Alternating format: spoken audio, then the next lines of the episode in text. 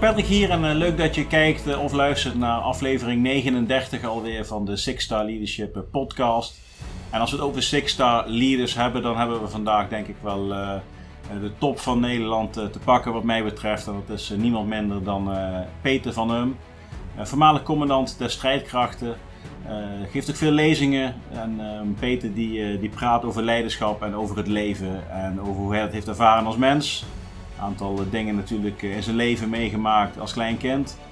Uh, als bakkerszoon, dus daar hebben we raakvlakken, want ik ben ook een bakkerszoon. We zijn allebei in Nijmegen geboren, we kennen dezelfde voetbalclubs. Uh, en uiteraard ook het overlijden van, van Dennis, de zoon van Peter, op zijn allereerste werkdag als commandant der strijdkrachten. dus we passeren een hoop onderwerpen, de politiek. en Peter die zit vol met mooie verhalen, mooie anekdotes. En je kunt er uren naar luisteren. We hebben er een gesprek van anderhalf uur van gemaakt. Dus ik, ik wens je heel veel plezier. Nou, subscribe ook meteen eventjes op onze kanalen. Dus uh, ben je op dit moment op YouTube aan het kijken? Nou, klik eventjes op die, uh, op die duim of op de subscribe. Dan, uh, dan blijf je ons volgen. Krijg je volgende keer een berichtje op het moment dat er een nieuwe video online komt. En ben je luisteraar op YouTube of op Spotify of op Apple Podcasts? Nou, abonneer je dan en schrijf eventueel een recensie op Apple Podcasts. Nou, nu snel door naar het gesprek met Peter van Hem. Ik, uh, ik wens je heel veel plezier. Uh, wij hebben ervan genoten. En ik, uh, ik weet zeker dat jij dit ook een heel mooi gesprek gaat vinden. Veel plezier. Zo beginnen, Peter? Ja hoor. we waren al een beetje begonnen. Ja. Ik moet altijd officieel aankondigen, anders denk ja, ik... Ja, ja, dat snap ik. Wie gaat hier nu weer in de studio zetten? Ja, is, ja, ja, ja. Ja, welkom uh, bij de Sixer Leadership Podcast voor de kijkers. Ja, de luisteraars die, uh, die horen het wel. Uh, het water staat klaar, de ventilator die draait. Want we hebben wederom mooi weer. Ik heb ja. altijd mooi weer als ik een podcast opneem. Dus oh, echt, nou, dan moet je er veel aan. ja, nee, dat is ongelooflijk. En vandaag een hele mooie gast. Ik ben heel blij mee dat je uit Nijmegen bent gekomen. Dat is Peter van Hem. Welkom in, in Haarlem. Nee, ik ben er met plezier.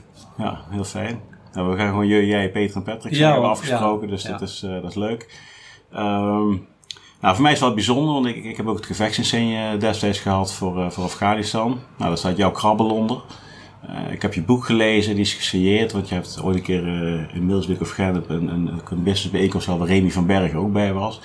Heb ik als cadeau jouw boek ook gekregen en op dat moment wist ik van, nou, als ik ooit een podcast ga beginnen, dan is dit wel Six Star Leadership. En, dus welkom. En uh, we gaan het niet over NEC hebben. Uh, dat mag ook. mag ook. Nou, het is uiteindelijk toch mooi dat ze weer in de Eredivisie komen. Ja, ja. Want je woont er in Nijmegen? Ja, ik ben uh, Nijmegenaar van geboorte. En we ja. zijn ook, mijn vrouw ook. we zijn teruggegaan naar, naar Nijmegen. Ja. En ik ben letterlijk back to my roots gegaan, want ik woon op de grond van mijn lagere school. Ja. Als ik ga stemmen, dan loop ik mijn oude kleuterschool weer. dat is gewoon mooi. Ja, dus de mensen die, die jouw boek gelezen hebben, of we nog gaan lezen, die, die, die weten dan waar, dat, waar zich dat afspeelt. Ja, ja, nou, in ieder geval waar mijn jeugd zich afspeelt. En uh, dat is Nijmegen-Oost. En ja. ja, ik ook terugkijkend uh, een hele leuke wijk. Uh, het was de wijk waar alles door elkaar woont. je kunt de hoek omgaan en dan kom je bij een arbeidersstraat uit. Mm. en als je de hoek de andere kant op gaat, kom je bij rijke lui, om maar zo te zeggen. Ja, Ik weet dat als ik naar school liep, dan, dan was er zo'n muurtje dat liep een beetje scheef. En, ja. Daar kon ik niet laten om overheen te lopen, maar dan kregen we op z'n donder van die rijke bewoners. en, uh, dus wij noemden dat het gouden muurtje. Ja, ja, ja. uh, maar, maar, maar, het was ook de wijk waar studenten woonden, waar de eerste gastarbeiders woonden. Dus er woonden van alles door elkaar. Ja. Uh, en, en, daar word je ook door gevormd. En nou, ik heb er met heel veel plezier gewoond. Ja. En, en mijn broer en ik, ja, Tegenwoordig heb je van die jongelui die klimmen over muren, die, die, die doen van alles. Urban running. Ja, nou, ik weet niet eens hoe het heet. Mijn broer en ik deden dat al lang. Ja. Wij, wij kropen echt tegen, tegen een pui van drie hoog op en, en zaten op de daken. Ja, en, ja, ja. Uh, gewoon een mooie tijd. Ja, toen was het nog zonder vlogcamera. ja, ja, dat muurtje, uh, ik heb wel eens gezegd, dat, dat muurtje moet, moet ik eigenlijk nog eens een keer proberen, maar ik weet dat het gekke werk is. Maar je bent wel echt in Nijmegen Voel je dat ook zo? Nou ja, alleen al het feit dat we toch voor gekozen hebben om terug te gaan naar Nijmegen na mijn uh, functioneel leeftijdsontslag geeft aan dat ik wel iets met de stad heb. Ja, ja, ja. en ja, wij gewoon, gewoon uh, schitterend nu. Want uh, in, in 10 minuten zijn we in het centrum en als we de andere kant op gaan, zijn we in 5 minuten in, in het groen. Ja. nee, het is een fijne stad. Ja, het is een studentenstad. dat geeft al iets weer over de sfeer over het algemeen. Mm -hmm. Ja, ja en uh, nou, we hebben natuurlijk ruzie met Maastricht over wie de oudste stad van Nederland is. Dat zijn wij, hè? Ja. dat zijn wij. Ja, ik ben ook geboren in Nijmegen. Ja. Kijk, dus dat is, uh, dat is mooi. Nee, dat wij. Maar heb, heb jij nu nou zelf een gouden muurtje? nee hoor, absoluut niet. Nee. Nee, dat, dat, daar doe ik, uh, doe ik niet aan mee. Nee, maar ik bedoel meer de kinderen wie er overheen rennen. En, uh, nee hoor, nee, nee, nee, nee. Nee, nee, echt niet. Naast ons is um, ons gebouw is een grote speelweide van, van de lagere school. -hmm. en van, daar sport de middelbare school en zo. En dat is fantastisch. Daar geluid van die kinderen, geeft een beetje reuring. Ja, ja. Nee hoor. Nee, geen gouden muurtjes. Geen gouden muurtjes, nee. Ja, ik ben veel in Nieuw geweest, daar hadden we het natuurlijk net al even over gehad. Ja. Kijk, vanuit Groesbeek, ja, je, je, naar de Leemkuil ging je veel toe. Ja, goed, de trekvogels. Ja. ja, die hoek die ken ik wel. Dus ik, ik was jouw boek aan het lezen, uh, een paar jaar terug, de eerste keer al. En ja, voor mij is het ook een, een ja, ik herken dingen gewoon. Hoe je het schrijft, over de jeugd, over de omgeving. Ja, de Leemkuil, laatst een leuke. Ik loop daar met de hond en ik zie twee van die mannekes zie ik in het bos lopen. En poep, die zie ik zo onder het hek doorgaan. Gaat de linker en ik denk, hé, hey, die ken ik nog. Ja, dat is niks veranderd. Ja, ja. maar je bent, en, en een bakkerszoon. Ja. ja. Uh, mijn, mijn moeder kwam met een bakkersgezin. Mm -hmm. En trouwde met een, uh, uh, met, met een jongen die bakker wilde worden. Uh, woonden in de Achterhoek allebei en hebben een enorme wereldreis. Was we toen echt naar Nijmegen en zijn daar een zaak begonnen. En die hebben ze eigenlijk uh, tot een pensioen, mijn vader is iets eerder afgekeurd vanwege reuma, uh, hebben ze die bakkerszaak gerund. En ja, wij zijn als uh, drie kinderen hadden we thuis. Wij zijn gewoon opgegroeid met respect voor, voor de klanten en voor de mensen buiten. Mm. Het gezin en, en je handen uit de mouwen steken. Ja. Veel meegewerkt? Ja, was heel normaal. Ja. En, ja, ik denk nu als ik dan dat soort verhalen eh, daaraan terugdenk, dan denk ik van ja, tegenwoordig zouden ze misschien kinderarbeid noemen, maar uh, in ieder geval uh, mijn zus en mijn broer en ik zijn er niet slechter van geworden, uh, want het was gewoon papa en mama helpen. Ja. dus zaterdagochtend om vijf uur stonden de, de, de, drie kinderen stonden gewoon op. en mijn zus hielp in de winkel en de twee jongens gingen de bakkerij helpen en daarna papa helpen met brood rondbrengen. Ja. En dat was heel normaal. En, op een gegeven moment heeft mijn vader heeft hij echt uh, ja, uh, last van zijn rug gehad. En kon, kon hij eigenlijk niet veel. Nou, dan was het simpel. Uh, mijn moeder belde de school op en zei: De twee zonen was lagere school nog. ze komen even een week niet naar school en we zien wel hoe het gaat. Nou, dus wij stonden met papa op, die hees zich in zijn kleren weer, ging, in de, ging op de bank zitten, op de werkbank in de, in de bakkerij. En vertelde ons wat we moesten doen. en ja, wij deden eigenlijk alles. En, en daarna uh, kleedde hij zich om. En dan, dan ging hij de auto in. Nou, dat deed hem echt zeer. En uh, hij kwam er gewoon niet meer uit terwijl we de hele, rond, de hele route hadden gereden. En hielpen we gewoon de hele dag. Met bezorgen? Ja, met bezorgen. Ja, ja, En uh, dat ging een week zo door. Nou, gelukkig waren de kindjes van hem goed genoeg op school. dus die school die piepte niet dat we een week gewoon niet kwamen. Dat helpt altijd mee, hè? Ja, dat helpt mee. ja. want we hebben gewoon geluk gehad. mijn vader was een doener en mijn moeder die had de kopie. En dat heeft ze aan de kinderen doorgegeven. Nou, doen er of kopie. Ja, ja, ja, ja, we zijn wel allemaal alle drie uh, uh, doenerige kinderen geweest. maar die wel een kopie gebruiken. Ja. ja. Is, is, dat ook meteen is ook een mooie combinatie? Dus als je alleen een doener bent, is ook prima. Als je ja. alleen een kopie bent, is ook prima. Maar als je ook maar iets van beide kunt laten samenkomen, ja kun je, kun je nog beter het verschil maken. Ja, ja nou ik heb wel eens uh, voor mezelf een soort kwadrant gemaakt. Met uh, energieke en luie mensen. Mm -hmm. En slimme en minder slimme mensen. Nou, degene die je echt in de gaten moet houden, zijn de minder slimme die heel energiek zijn. Want die gaan heel hard de verkeerde kant op. Ja, ja, ja. ja, ja, ja. En wij hadden het geluk dat, dat wij misschien in het, in het, in het hoekje zaten met energiek en, en ook wel ja, wat intelligentie van mijn moeder meegekregen. Ja, ja, ik vertelde net mijn, mijn vader, ik kom ook uit een bakkers. Ja. ja. En mijn, mijn opa heeft ook echt zelf gebakken in Groesbeek, in de Bredeweg. Dus e-, echt in, in het hoekje tegen de Duitse grens aan, ja. in de Bruk. En uh, ja, mijn vader is op hele jonge leeftijd, voor mij 15, 16 jaar, toen hij me kon ingeschreven in de KVK, ook gewoon huis en huis bezorgen. Toen was nog de boerderijen langs en hij zei kinderarbeid. Ja, je was zes en je ging mee. Ja. En je vond het leuk ook? Het was leuk. En met kerstmis was het gewoon om twee uur s'nachts opstaan. En dan kwam, was je blij als je om tien uur s'avonds thuis kwam. En dan uh, ik weet niet waar jij autorijden, hebt, autorijden hebt geleerd. Maar, maar, mijn broertje en ik gewoon door met mijn vader... Schoot, ja. Gewoon met het bestellen door de, de, wijk rond te gaan. En dan zette hij hem in een straat neer. Maar had je niet zoveel geparkeerde auto's. En dan op een gegeven moment zei hij van... Maar je hebt gezien, rij je maar 20 meter verder. optrekken en sturen om over het dashboard heen te kijken. Op, daar gingen we. Ja, er waren een heleboel leuke kanten aan hoor. Ja. Dus het zou maar kunnen zijn dat, uh, dat, dat, jij en je vader parallel met mijn vader in Groesbeek aan de andere kant van de heuvels ja. hetzelfde vak aan het uitoefenen waren. Ja, ja, ja zeker. Ja. ja. En, en, wij dus ook hetzelfde deden. Ja. En, en, je wordt er toch door, door gevormd op de, ja, wat ik zei, uh, de, klant, de klant was koning. Ja. Uh, dus ja, wij, wij, wij waren altijd, uh, wij, wij kregen onmiddellijk geleerd van je bent netjes en respectvol naar die mensen toe en uh, je bent altijd eerlijk. Uh, dat kregen we gewoon met de paplepel ingegoten. het verhaal, ja, vind ik nog steeds bijzonder dat ik op een gegeven moment bij een oude mevrouw was en dan had je gewoon die mensen die openden gewoon de portemonnee en dan kon je eruit halen wat je nodig had, hè, voor het broodje wat je aan die mensen gegeven had. En de buurman van die mevrouw, die, die, die zei tegen mij, jongen, je moet je kans grijpen, hè, van, je kunt er veel meer uithalen. Dus ik reageerde daar niet op en ik vertelde dat later tegen mijn vader. En die zei, wie was dat? Die daarnaast, ik krijg nooit een broodje. het liet die gewoon de klant vallen, want ja. uh, die vent was niks. Ja, ja mooi. Ja, niet, niet landgerecht.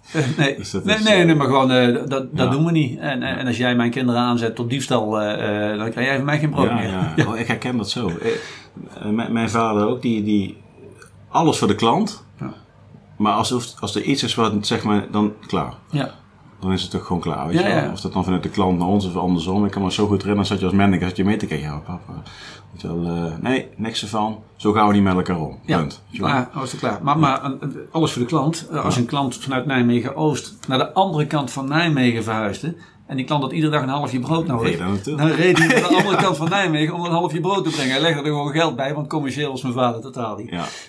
Uh, maar nee, dat... Uh, maar had je dan ook met, met jouw vader, maar ook met elkaar dan zo'n functie... en ik noem het even het dorp uh, Nijmegen-Oost... dat is natuurlijk een, een, dorp op zich eigenlijk... Ja. Heb je daar ook een sociale functie binnen het geheel?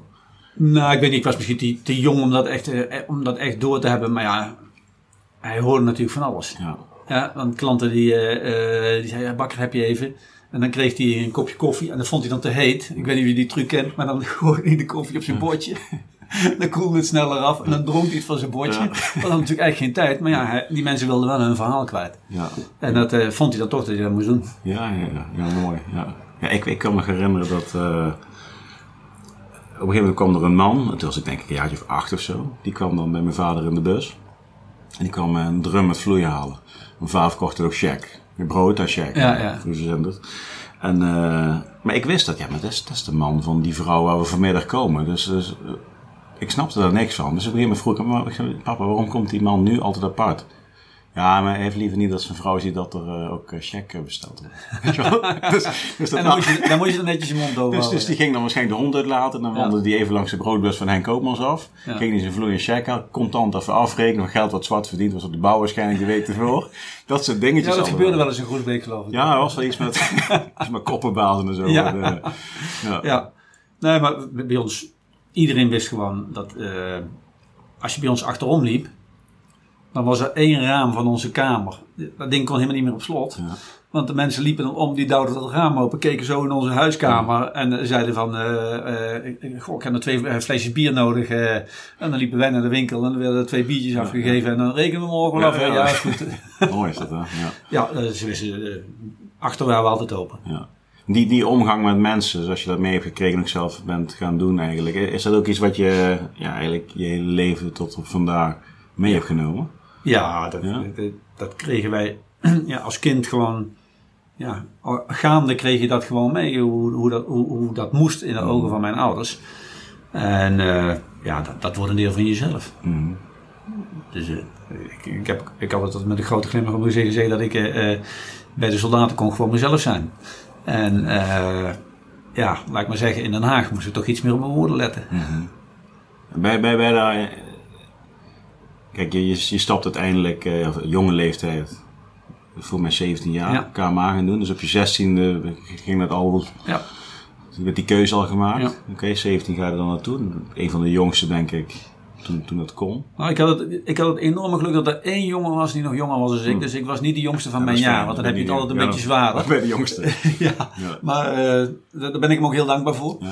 Eh, dat die last niet op mijn schouders lag. Eh, maar, ik was wel eh, heel jong. En ja, toen ik bij het bataljon kwam, was ik wel de jongste luitenant. En eh, ik was op een gegeven moment al als luitenant was ik al kompiescommandant. En de- ja, voor de kijkers die Defensie niet begrijpen, dan heb je wel 150 soldaten. Ja.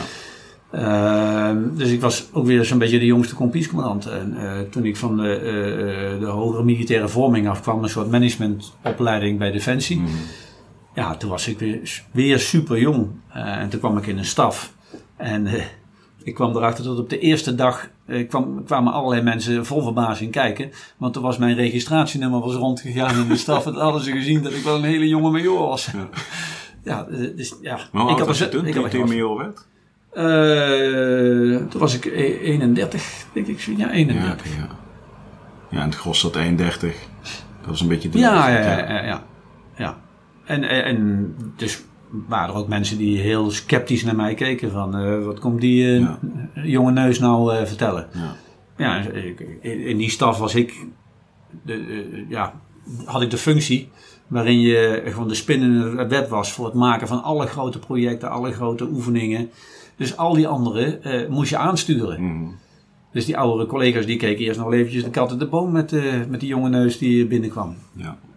Maar Ja, was zo over. Maar, maar heb, je, heb je, zeg maar, kijk, je- vanuit het nest neem je ja, omgangswaardes mee met, met Ja. mensen. Gewoon met mensen, of dat dan bij Defensie is of weet ik veel waar. eh, in het leven. Je komt in een andere wereld, waar niet iedereen dat heeft. Dus, dus ja, heb je op een gegeven moment ook, zeg maar, jezelf aangepast aan je omgeving en dat je daarna weer terug bent gekomen naar jezelf?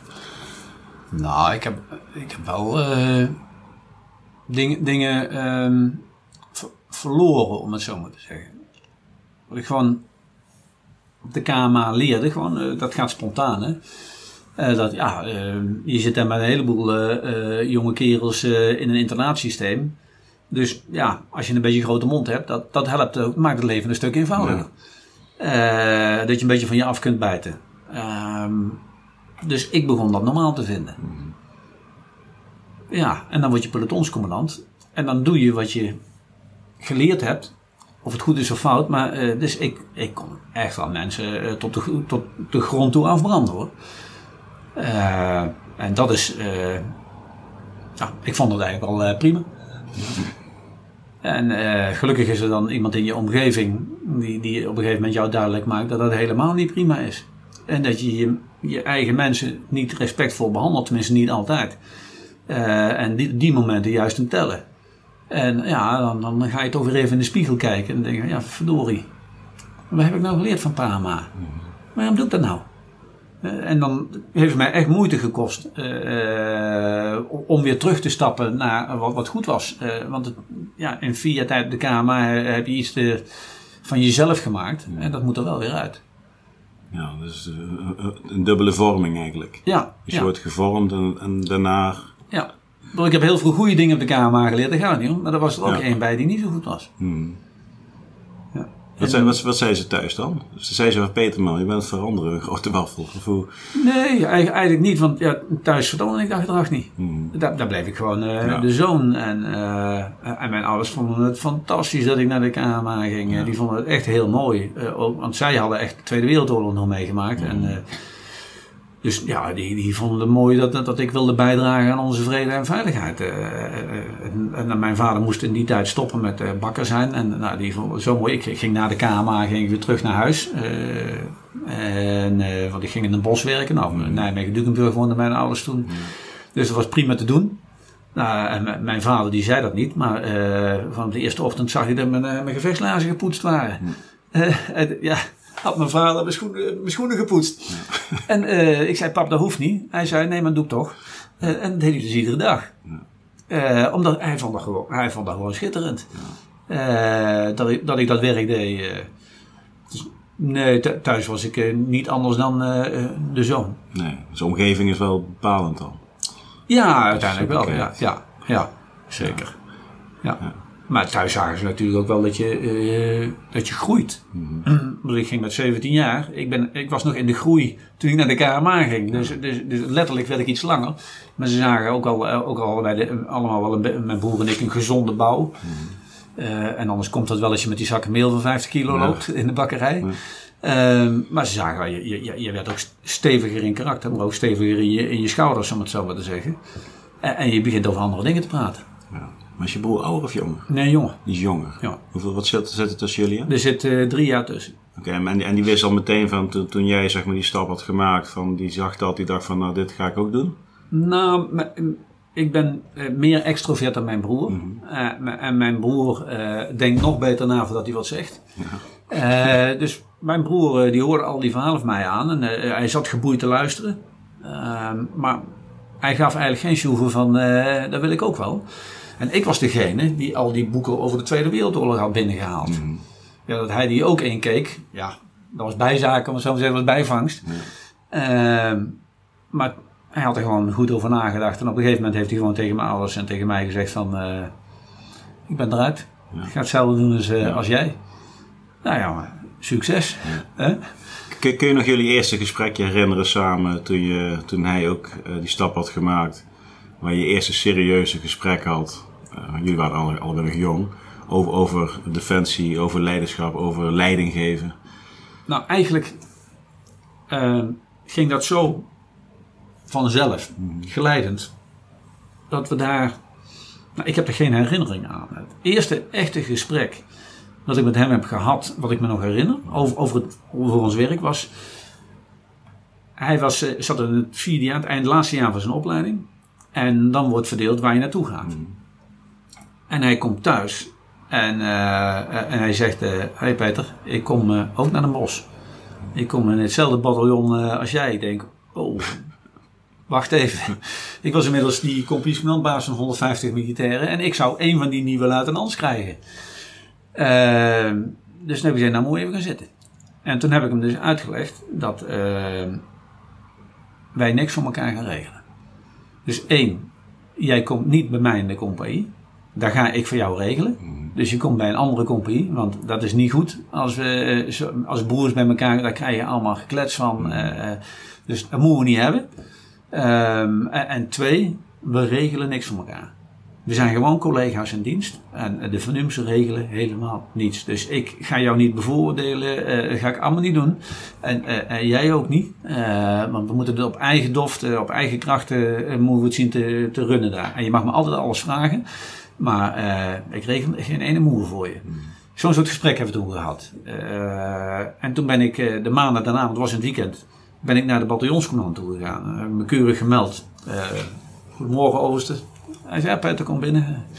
Ik zeg, overste, ik wil iets aan u vragen. Ja, natuurlijk, Peter, zeg maar. Ik zeg, uh, straks uh, komen er twee nieuwe luitenants binnen. Ja, ja, dat weet ik. Hij zegt, nou, die, ik wil er één hebben en die andere niet. Hij zegt, waar komt dit vandaan? Ik zeg, nou, overste, die andere heet van maar is mijn jongere broer. Ik snap het, zegt hij. Die komt niet bij jou. ja, duidelijk. Ja. En het mooie is dat zo'nzelfde gesprek heb ik uh, later ook met mijn zoon gevoerd. Hmm. Want ja, toen mijn zoon van de KMA afkwam, uh, ja, zijn vader was commandant luchtmobiele brigade, zijn oom was commandant van de commando's. Dennis, even voor de duidelijkheid, hmm. de vernums regelen helemaal niks van elkaar. Ja, ja. ja en dat begrijpt hij. Ja. Nou, dan zie je hoe, hoe dat werkt. Dus uiteindelijk kreeg hij eerder te horen dan ik uh, waar hij terecht zou komen. Uh, prima. Dus die vertelde in het weekend ook tegen mij: Nou, pap, uh, ik kom bij luchtmobiel werken. Ja. Oh. Ja, deze, deze gevoeletje. Ja, ik was, ik was inmiddels was ik weg bij de luchtmobiele brigade. nee, wacht even. Nee, ik was weg bij de luchtmobiele brigade. En hij zou bij het 11e bataljon komen. Nou, dat was Frits van Doorn was daar de baas. Om maar in simpele burgertermen te zeggen. Ja. Dus toen heb ik maandags heb ik, de telefoon gepakt. En heb ik uh, Frits opgebeld. En heb ik tegen hem gezegd: Frits, als er bij jou iets is met de luitenant Jansen, bel je mij dan? Nou, die keek die, door de telefoon, dan hoor je bijna de verbazing. Hij zegt: Ja, hoezo Peter? Uh, uh, natuurlijk bel ik jou niet als er iets met de luitenant Jansen is. Nou, dan zal ik je wel eens wat vertellen. De luitenant van komt bij jou, dat is mijn zoon. En als er iets mee is, hoef je me niet te bellen. Frits, nog een fijne dag. Ja. Tom. nou, die heeft waarschijnlijk zo hard op zijn bureau gezeten. Maar dan was in ieder geval duidelijk van, uh, Frits, doe je best met hem. Ja, ja mooi is dat. Ja. Maar je hebt even, uh, toen Dennis het leger inging, had je toen, herkende je dingen van jezelf? In, ons, in, in mijn zoon? Ja, wat betreft de drive en de motivatie. En, uh, ja, ja, ja. Nee, dat, um, onze zoon was uh, best wel een lastige puber. Mm -hmm. En uh, hij voerde werkelijk helemaal niks uit op school. Tenminste, de laatste twee jaar. Ja, welk vakje zat hij? Niet, niet energiek, maar wel weten wat hij deed. Ja, ja, ja, ja, ja, ja, ja. dus later kwamen we erachter dat hij zat gewoon lessen, zat hij altijd gewoon passief te wezen. En echt de, ook de klas te beïnvloeden met zijn passiviteit. Maar hij luisterde wel. Hij maakte zijn huiswerk bijna niet. Uh, hij keek geen boek in, maar hij luisterde in de lessen wel. En uh, dus ik ben meermaals met mijn vrouw naar uh, de, hoe heet het, de, de, de klasse, de, de, leerlinggesprekken geweest, ja. hoe dat heet. Nou, dat was natuurlijk allemaal niet vrolijk. Tien minuten gesprek. Ja. ja. Ehm, dus, nou, een paar, uh, een paar maanden, drie of vier maanden voor het eindexamen, kwam hij thuis met een brief van de school. Hij hoeft niet meer op school te komen.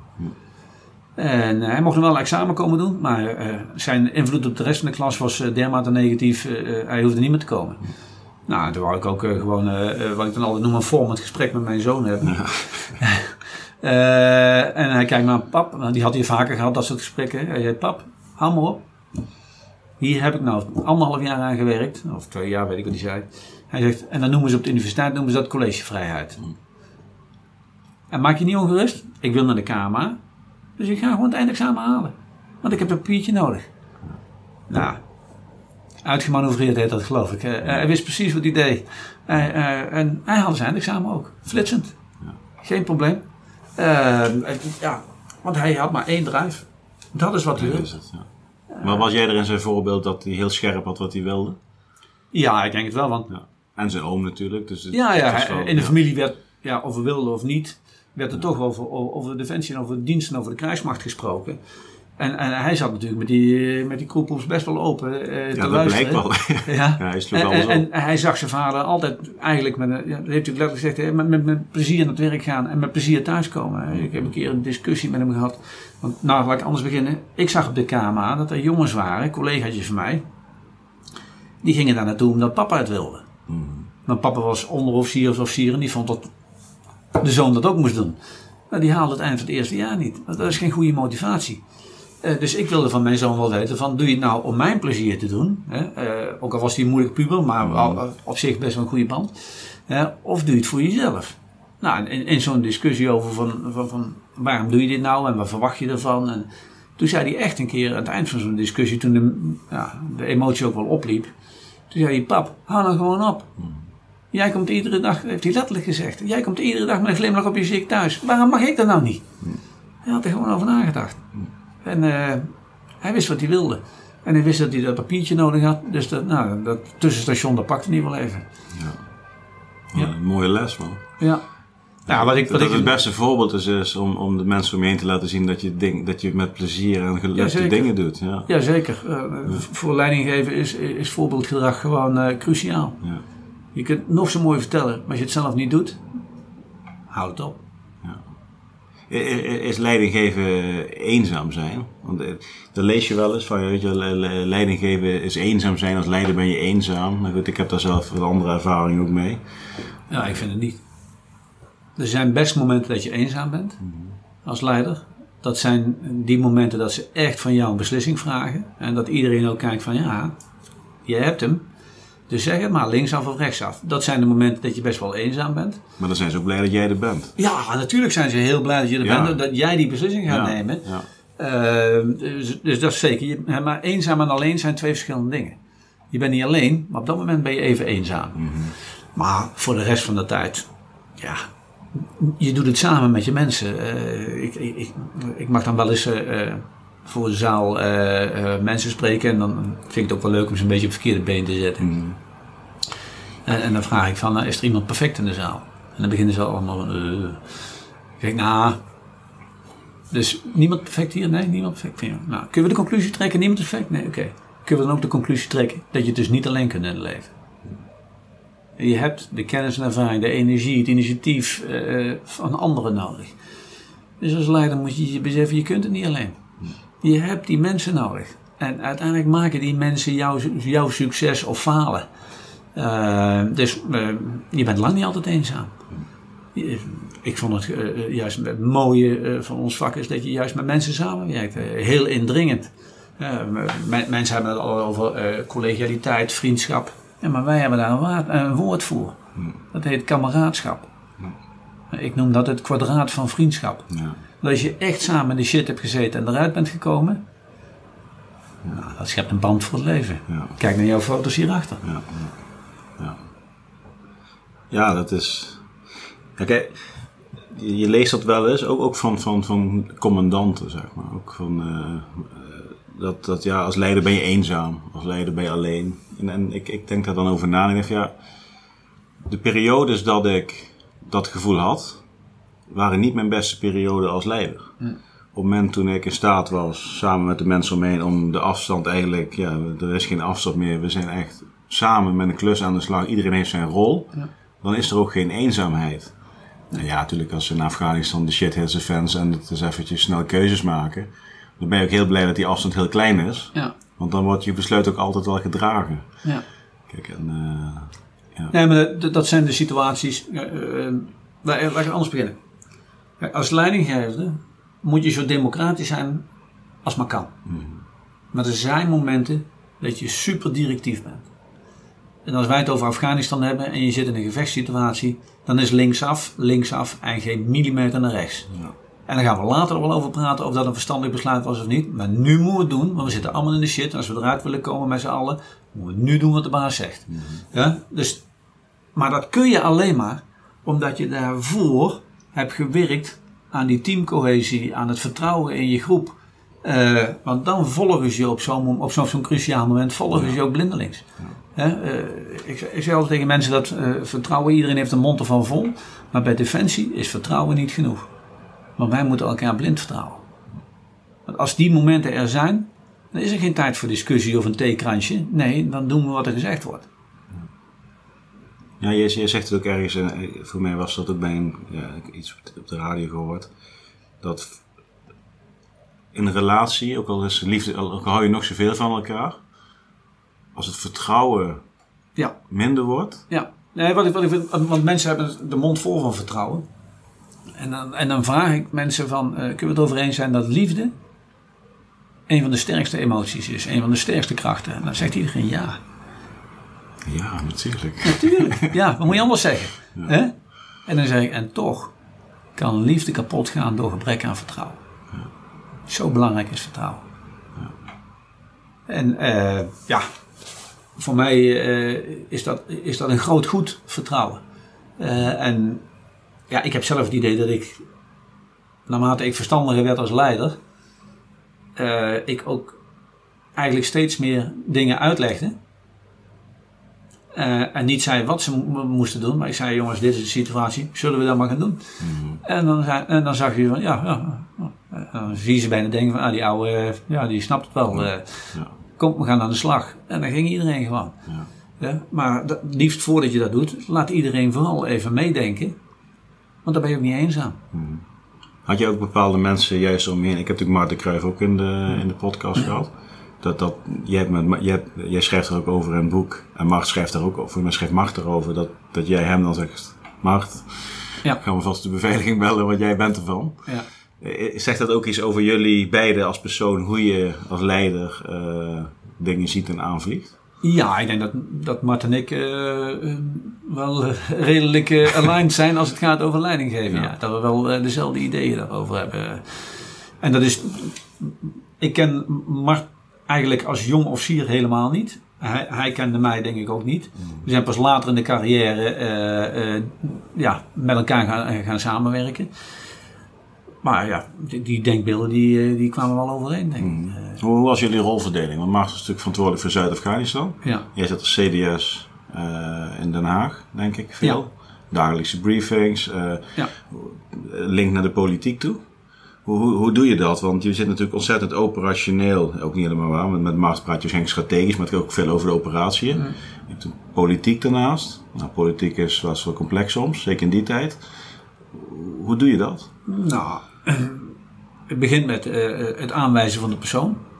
Hm. Ja. Uh, je, je, kunt alleen maar iemand aanwijzen als je er het volste vertrouwen in hebt dat die dat aan kan.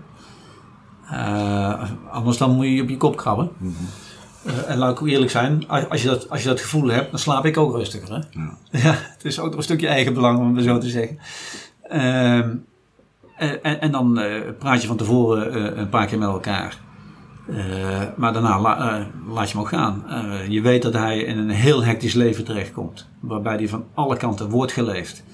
iedereen wil wat van hem. Dus je laat hem, je laat hem gewoon los. En, en, en je, ik heb altijd tegen commandanten gezegd die ik op missie stuurde. Dat je mag me altijd bellen. Niemand houdt jou bij mij weg. Mijn staf niet, mijn secretaresse niet, mijn, de mensen die mijn waan van de dag regelen. Bij twijfel niet inhalen, bellen. Niet op je horloge kijken, want het is altijd een andere tijdzone. Als je me nodig hebt, dan bel je. Kom eens de job, hoort erbij. Dus als je mij in Nederland midden in de nacht wilt bellen, gewoon doen. Mijn vrouw heeft mijn Blackberry vervloekt. Kan ik je rustig vertellen. Toen hadden we Blackberry. Een balletje. Ja, eh, maar, dat, dat hoort erbij. Uh, en, en, dan zei ik tegen kijk, want als jij ergens over twijfelt, geef mij dan de kans om die verantwoordelijkheid van je nek te halen en laat mij dat besluit nemen. Ja? En je hoeft me niet te bellen, zei ik er altijd bij, dat het goed gaat. Want die had ook wel bij, die nee, maar het gaat goed met mij. Dat is niet nodig. Waarom, ja, waarom, bel, je, ik, waarom bel je echt? Waarom bel je echt? Ja, maar, ja waarom bel je? Dus dat is niet nodig. Ik weet toch wel hoe het gaat bij jou. Dat, is, dat hoor ik wel, dat zie ik wel. Uh, dus daar ging ik er maar vanuit dat als Mart me nodig had, dat hij ook zou bellen. Mm. Nou, uh, natuurlijk, ik ging iedere drie maanden ging ik wel een week naar Afghanistan. En natuurlijk ga je dan bij Mart langs. Ja? Sta, sta je weer voor dat uh, Feyenoord en Vitesse shirt? Wat die daar al hangen. ja. ja. maar je hebt ook echt wel een persoonlijke uh, goede connectie met... Ik had er, ja, zeker met, met Mart, ja. ja.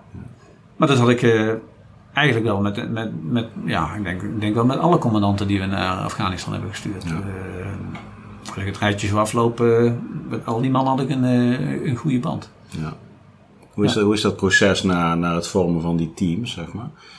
Kijk, in jouw boek is voor mij ook een soort van rode draad. En daar was je zelf niet bewust van, maar je, dan, later kom je erachter dat er keuzes zijn gemaakt om uiteindelijk uh, richting een bepaalde rol toe te groeien. Hmm. Tijdens zo'n missie als, als Afghanistan, uh, zie je daarin ook al heel snel de mensen die dan bijvoorbeeld over twee jaar een eventuele rol zouden kunnen gaan invullen? Hoe, hoe gaat dat? Ja, ja uh, moet ik moet toch ergens anders beginnen. In het bedrijfsleven, daar kun je als je uh, uh, leiders nodig hebt, wat wij commandanten noemen, mm. ja, die kun je van de markt halen. Dan zet je een headhuntersbureau erop, wijze spreken, en dan maak je een profiel en dan haal je iemand binnen. Ja. Dat kan. Je kunt hem ook uit je eigen bedrijf of eigen organisatie halen. Dat is ook een mogelijkheid. Bij Defensie is dat de enige mogelijkheid. Dus van al die jonge... Je kunt, niet gaan shoppen bij de Belgen. Dat nee, is, nee, en je, kunt, je kunt ook niet uh, tegen, weet ik veel, een of ander groot bedrijf zeggen: heb je nog een, een voor me? Ja? Dat, dat, kan gewoon niet. Dus de top van de krijgsmachtdelen en de top van de krijgsmacht, die besteden best wel veel tijd aan wat wij management development noemen. Dat is het detecteren, selecteren, vormen van de toekomstige topleiders. Uh, ik besteedde er in ieder geval heel veel tijd aan. En ik kende al die mensen die in die bak zaten, die kende ik ook persoonlijk. Uh, als wij uh, in zo'n raad heet dat, uh, over dat soort mensen praten en wie moet waar naartoe en zo, dan was het eigenlijk ongebruikelijk dat je het dossier opende. Je moest ze kennen. Je moest ze kennen. Ja? En als je in die raad, in, in die mappen, die, die, hadden we allemaal, die hadden we allemaal gelezen. En, maar als je die mappen dan, hmm. Ja, hey, wacht even, wat ben je nou aan het doen? Ja, dit is zo belangrijk, uh, dit moet gewoon in je kop zitten. Dus wij waren heel, vaak, heel vaak bezig met, met, het, ook het vormen van, um, ja, deze heeft nu veel in de opleidingssector gezeten. Maar Van logistiek snapt hij nog niks. Dus misschien moet hem toch een keer in de logistiek, want daar zien we hem ook wel groeien. Ja, dus wat ik nou zeg, wat er bij mij gebeurt is, ze pakte me regelmatig bij mijn oren en zette me ergens anders neer om, om, om breder te worden of dieper te worden in een bepaalde richting. en, en toen ik dat eenmaal door had dat ze dat gedaan hadden, uh, begreep ik het. Want daarvoor had ik er af en toe vraagtekens bij. En was ik er soms ook op tegen. Heb ik ook wel tegen gesparteld. Maar ik moet eerlijk zeggen, toen ik uh, ja, in de top van de landmacht kwam, heb ik precies hetzelfde gedaan. Mm. En toen ik in de top van de krijgsmacht zat, heb ik precies hetzelfde mm. gedaan. Want het werkt. Ja. En uiteindelijk komen toch de mensen met de juiste competenties komen bovendrijven. Ja. Is het niet ook een stukje politiek spel wat er in zo'n fase gebeurt, in die laag? Want uiteindelijk, die mensen weten zelf ook wel dat ze voor bepaalde rollen uiteindelijk misschien wel in aanmerking komen.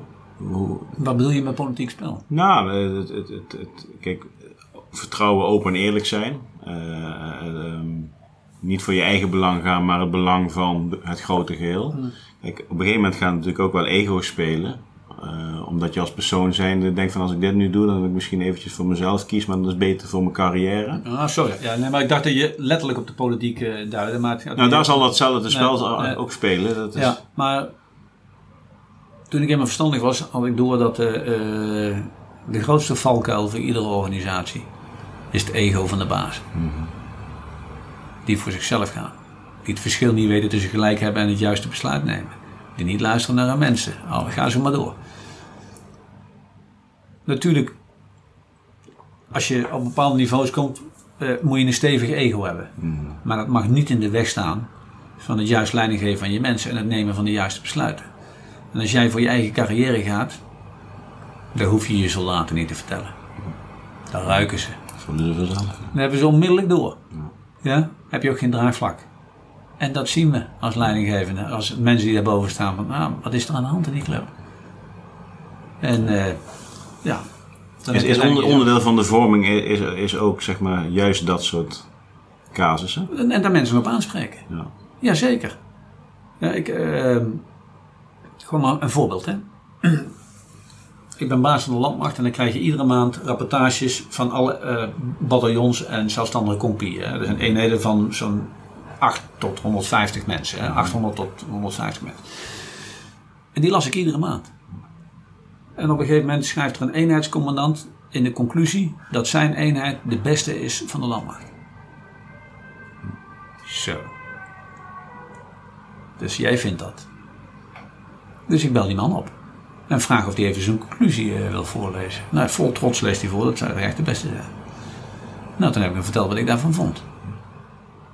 Hoe kun je daar nou een oordeel over hebben, een mening over hebben, terwijl je het gros van die eenheden helemaal niet kent.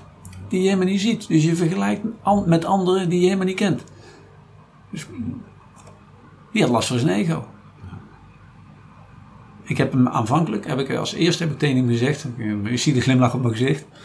Ik heb tegen hem gezegd van, nou, dus jij vindt jouw eenheid de beste van de hele landmacht. Ja, dat vond hij eigenlijk wel. Ik zeg, nou, dan wil ik jou bedanken, dan heb je mijn beoordeling opgemaakt. Want ik ben verantwoordelijk voor al die andere eenheden. En die zijn slechter als die jouwe. Dus eigenlijk heb ik mijn woord niet tevreden. Nou, toen werd hij wel stil hoor. Ja. Uh, maar, maar, ja, soms moet je uh, gewoon een keer heel erg duidelijk zijn. Om iemand een punt, voor iemand een punt te maken van uh, dit doen wij niet. Ja. En, en, leren begrijpen dat, dat als je uitzoomt dat er nog zoveel meer is misschien. Ja, ja. dus als je alleen maar naar jouw enge wereldje kijkt. Ja dan vrees ik dat je ook niet geschikt bent voor het hoge ambt. Nee. Maar even, een week of zes terug werd je naam plotseling genoemd als formateur. Ja. ik dacht van, hé, hey, wat leuk, die, uh, die komt bij mij in de podcast. uh, als je dat ook naar de politiek kijkt, als je kijkt naar je eigen wereldje. ja, ik, ben, ik ben geen Uber-veteraan, maar ik ben wel veteraan. Vrijheid, we hebben missies gedraaid. Voor mij gebeuren een hoop dingen op het moment. En, en dat, dat, dat, dat, is best wel ja, bijzonder. En daar mag iedereen zijn eigen mening over hebben. Ik, ik vind soms ook dat we heel erg klein aan het kijken zijn. Uh, daarom had ook iemand zoals jou nodig, om, die dus niks met de politiek heeft, van buitenaf daar een adviesrol in te kunnen gaan geven.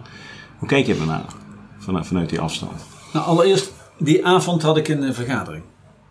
dus na die vergadering stap ik in de auto, ik wil wegrijden, ik kijk nog even op mijn mobiel en die is helemaal volgelopen. Appjes, mails, denk, wat is er aan de hand?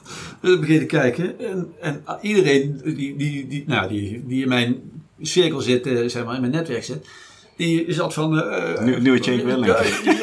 die, wordt genoemd als formateur. Uh, mijn buurman appte zelfs van... Ik heb het opgenomen, je kunt nog terugkijken. uh, ik wist van niks. Ik wist echt helemaal van niks.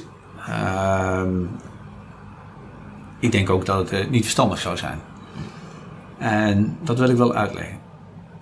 Um, in Nederland worden onderzoeken gedaan naar wat zijn betrouwbare instellingen. Waar hebben we vertrouwen in als Nederlanders? De krijgsmacht scoort daar best hoog.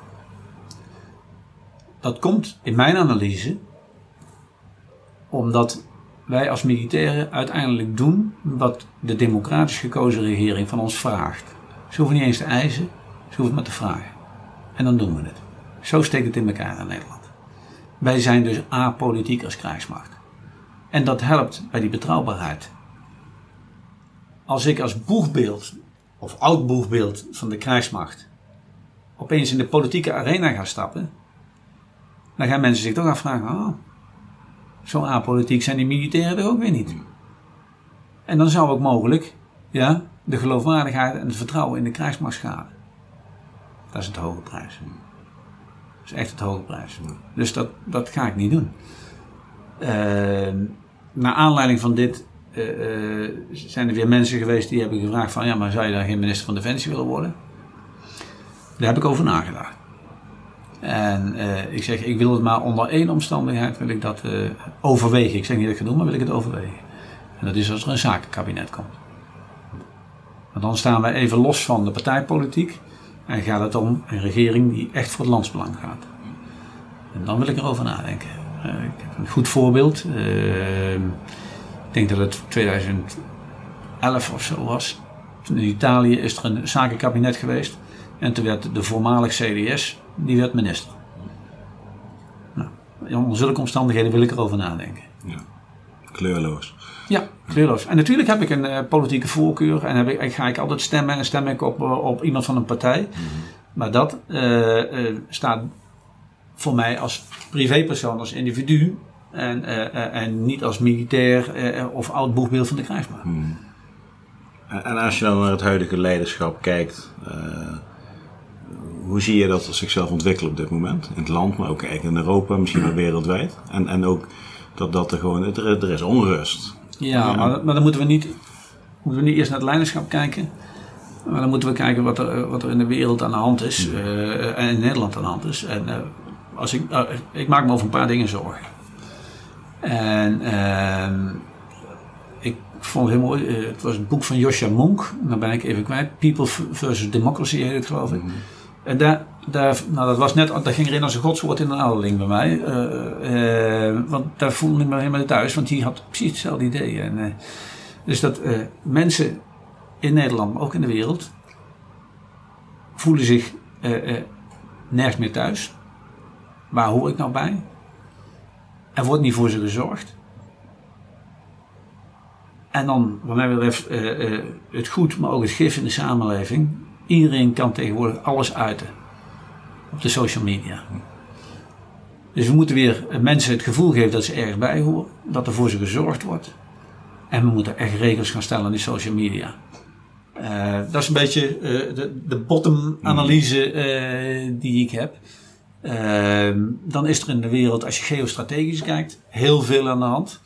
Uh, soms zou je bijna terugverlangen naar de Koude Oorlog. Heel duidelijke uh, bipolaire wereld. Mm. Iedereen wist waar hij aan toe was. En als er echt shit zou zijn, dan zaten we er ook allemaal in. Dan had iedereen eh, problemen. nu is de multipolaire wereld waarbij ehm, het van alle kanten kan komen.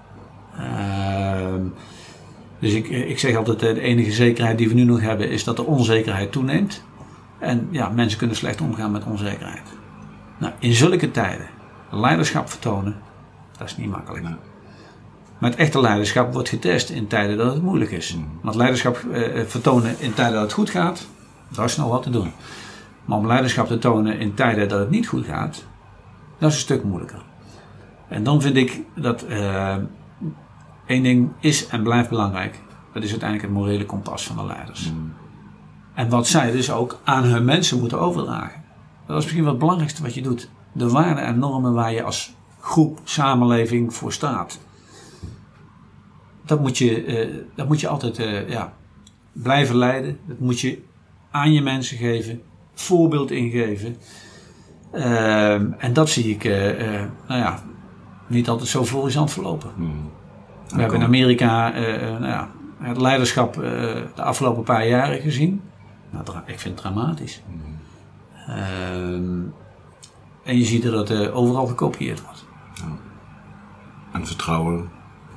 Ja, nee, dus het vertrouwen gaat down the drain. Ja. Dat is heel simpel. Ja. Uh, vertrouwen neemt alleen maar af. Ja. Dus, dus we zullen uh, wat moeten doen. En als we naar Nederland kijken, we zullen als overheid weer moeten zorgen dat de mensen, onze burgers, onze medemensen, dat die weer vertrouwen in de overheid krijgen. Want door al het gedoe wat er nu is, of het nou corona is, de toeslagenaffaire of noem maar op, uh, uh, dat vertrouwen is behoorlijk geschaad. Uh, en ja, ik heb altijd proberen uit te leggen dat je hebt doelen die je wilt halen, maar als je doelen wil halen, dan bereik je ook een paar neveneffecten of effecten op de diepere termijn.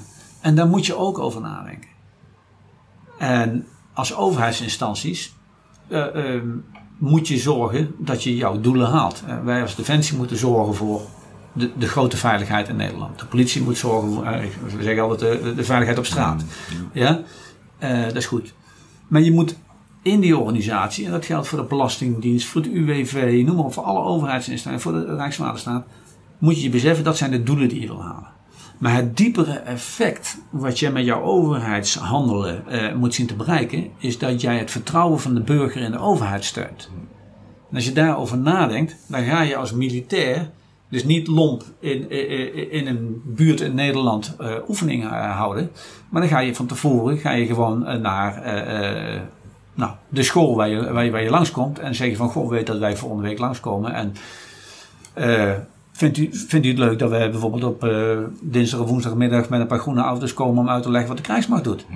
Dan ga je daar heel anders mee om. Ja. ja? En dat geldt voor alle overheidsinstanties. Uh, en, en, en, zo uh, schraag je wat belangrijk is in de samenleving. Ja. Kijk, we leven natuurlijk in een, technologische wereld op dit moment. Ja. Social media is er een onderdeel van. maar nog meer dingen die op dit moment kunnen gaat het voor heel veel mensen ook niet veel te snel op dit moment om dat te begrijpen. Uh, wat er allemaal kan en gebeurt. En, en als onder van corona dan dit eigenlijk gaat het om vertrouwen. Dat mensen daardoor ook afwachtend zijn. Wacht eens eventjes, het gaat wel heel snel allemaal. En het wordt misschien niet goed uitgelegd. Ja, uh, dat is een juiste constatering. En daar zullen we mee moeten leren omgaan. Ja. Maar het is van alle tijden. Ja. Het is echt van alle tijden. Ja.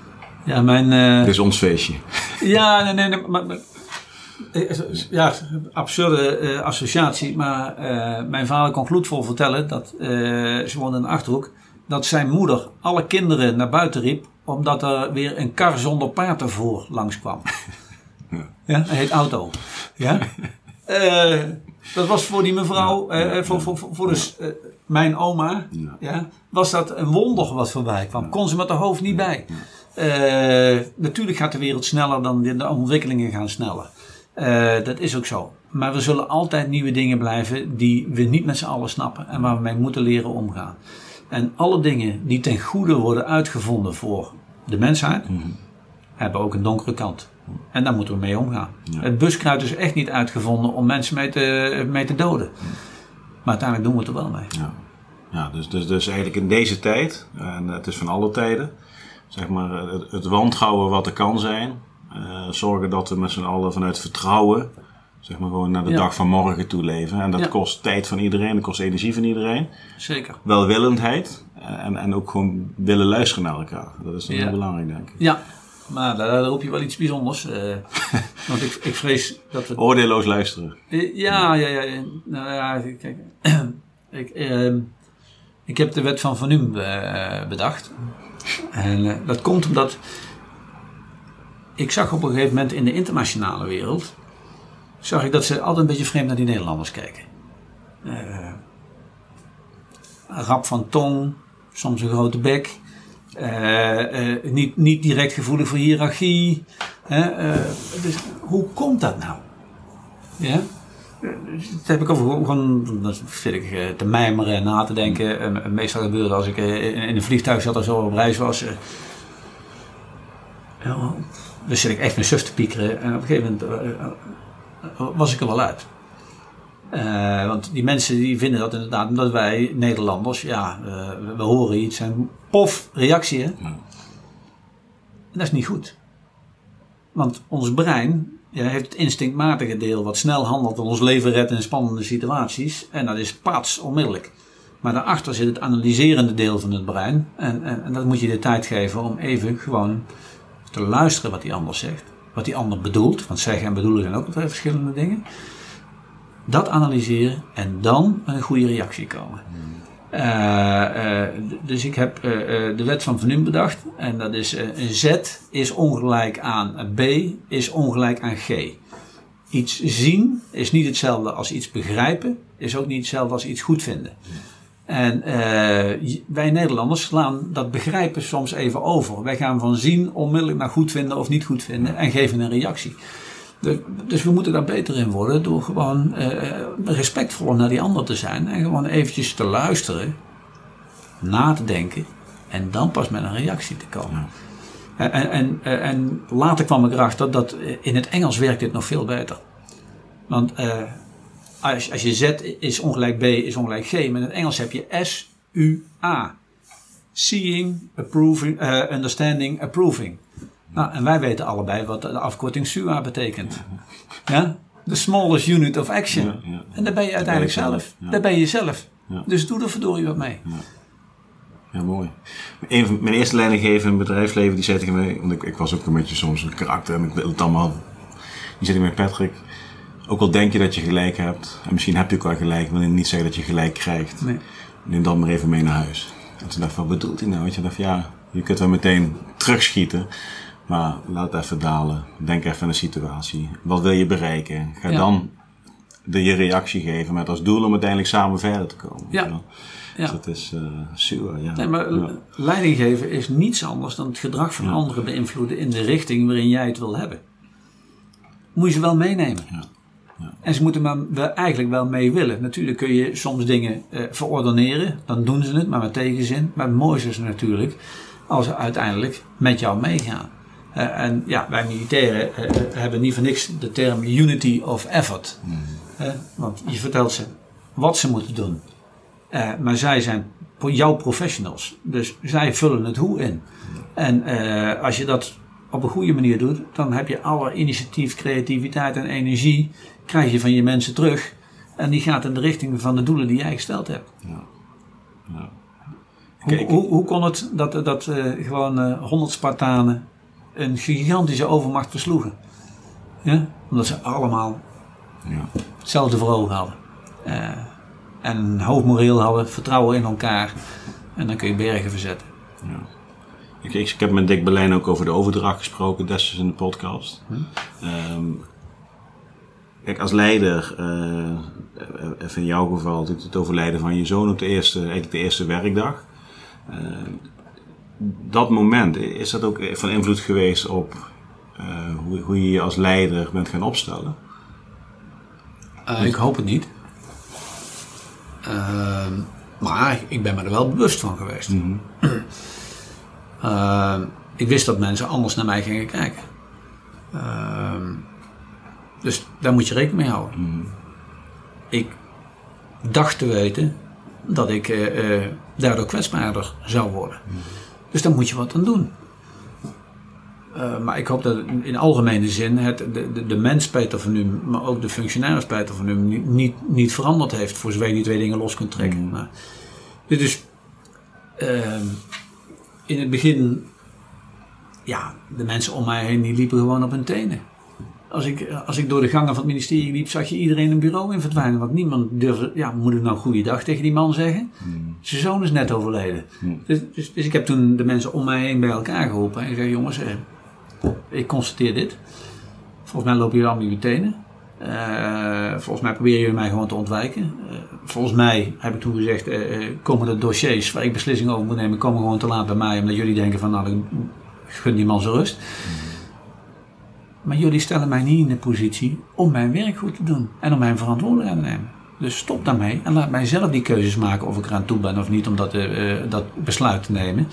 Uh, of dat dossier nu te lezen. En zeg gewoon uh, goeiedag, goeiemorgen. En ik zeg keurig goeiemorgen terug.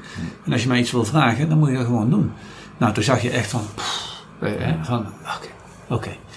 dus dus daar, daar moet je mee bezig zijn. En, en ik wist, of tenminste ik dacht te weten dat ik kwetsbaar zou zijn. Want ja, ja ik heb dat allemaal zo uitgelegd dat als ik de laatste euro van Defensie zou moeten, uh, over moeten beslissen. En gaat het nou naar vliegtuigen, schepen of spullen van, die die berenbommen kunnen vinden. Mm. Ja, dingen die mijn zoon had gedood, zou ik misschien emotioneel zeggen naar het laatste. Terwijl dat rationeel niet juist was. Dus ik heb toen echt uh, twee mensen uh, die mij nastonden als mens, maar ook in de, in, in de organisatie. heb, ik, heb ik toen bij me geroepen, onafhankelijk van elkaar, wisten ze ook niet. Dan heb ik gewoon tegen die twee gezegd: er kan een dag komen dat jij van mij een dossier krijgt waar ik een besluit op moet nemen. Dan vertel ik jou uh, welk besluit ik wil nemen, welke argumenten ik daarvoor heb. En je hoeft geen uh, expert op het dossier te zijn. Maar dan krijg mij hooguit twee dagen. En binnen twee dagen kom je terug en vertel je mij of ik het juiste besluit ga nemen of niet. En dat was mijn manier om een soort zekering uh, in mijn beslissingen in te bouwen. Zodat ik er zo goed mogelijk voor zorg dat ik de juiste besluiten nam. Ja het purpose-driven leadership, dat, dat, uh, dat noem je ook wel eens.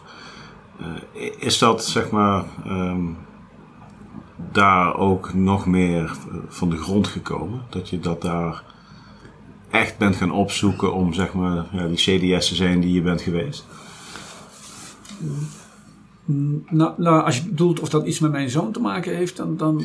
Nou, het is een hele ingrijpende situatie. Ja. de mensen die misschien niet meestal het weten, maar op, op je eerste werkdag als CDS is natuurlijk Dennis overleden uh, met een bermbomaanslag.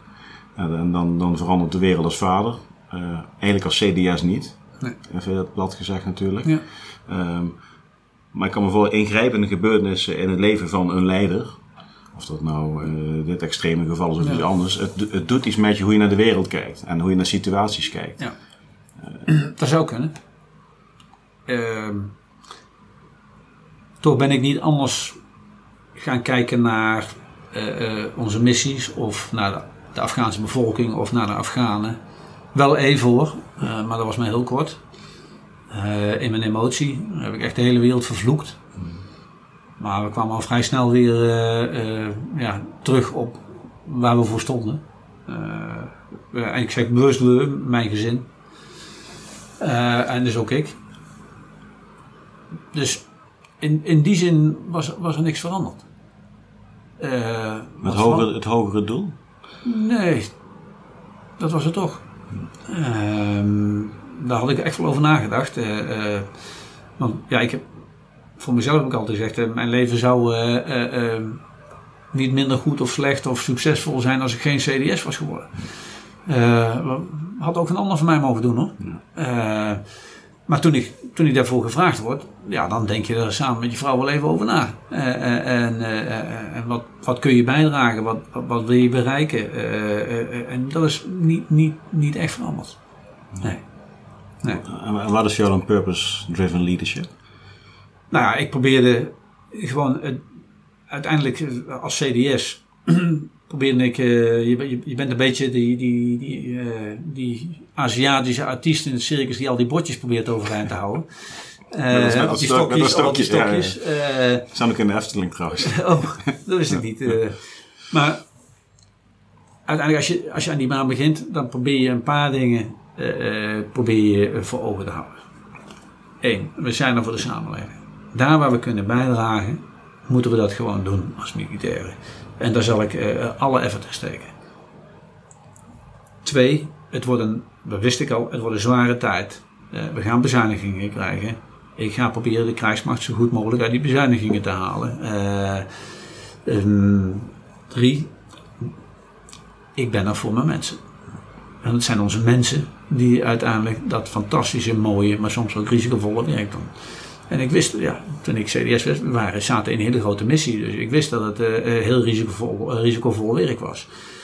Ehm, die drie dingen, die stonden mij wel eens een beetje voor ogen. Ehm, en dan probeer je een zo goed mogelijke relatie op te bouwen met, en ik moet zeggen de compliment aan Dick Berlijn, die echt ja, met toestemming van de politiek zichtbaarheid gegeven aan, aan de krijgsmacht door het boegbeeld van de krijgsmacht te zijn. Dus ik probeerde ook naar die samenleving en die zichtbaarheid te tonen. Ik vind dat ook een vorm van verantwoording afleggen naar de samenleving, waar, de, waar de samenleving recht op heeft. dus zo probeer je allerlei dingen overeind te houden. Eh, en, met elkaar te verbinden. Dat betekent dus ook dat je uh, gewoon een zo goed mogelijke relatie met je politieke basis moet hebben. Mm. niet alleen met je mensen in de organisatie, maar ook met de politieke basis. Want ja, op iedere laag ben je de rubberen tussenlaag, om het zo maar te zeggen. Dat ben je als CDS dus ook. Heb je dan moeten wennen? Aan, aan die functie zeker. Ja. Zeker. Ehm, tot met baas van de landmacht, uh, kom je wel steeds dichter tegen de politiek aan.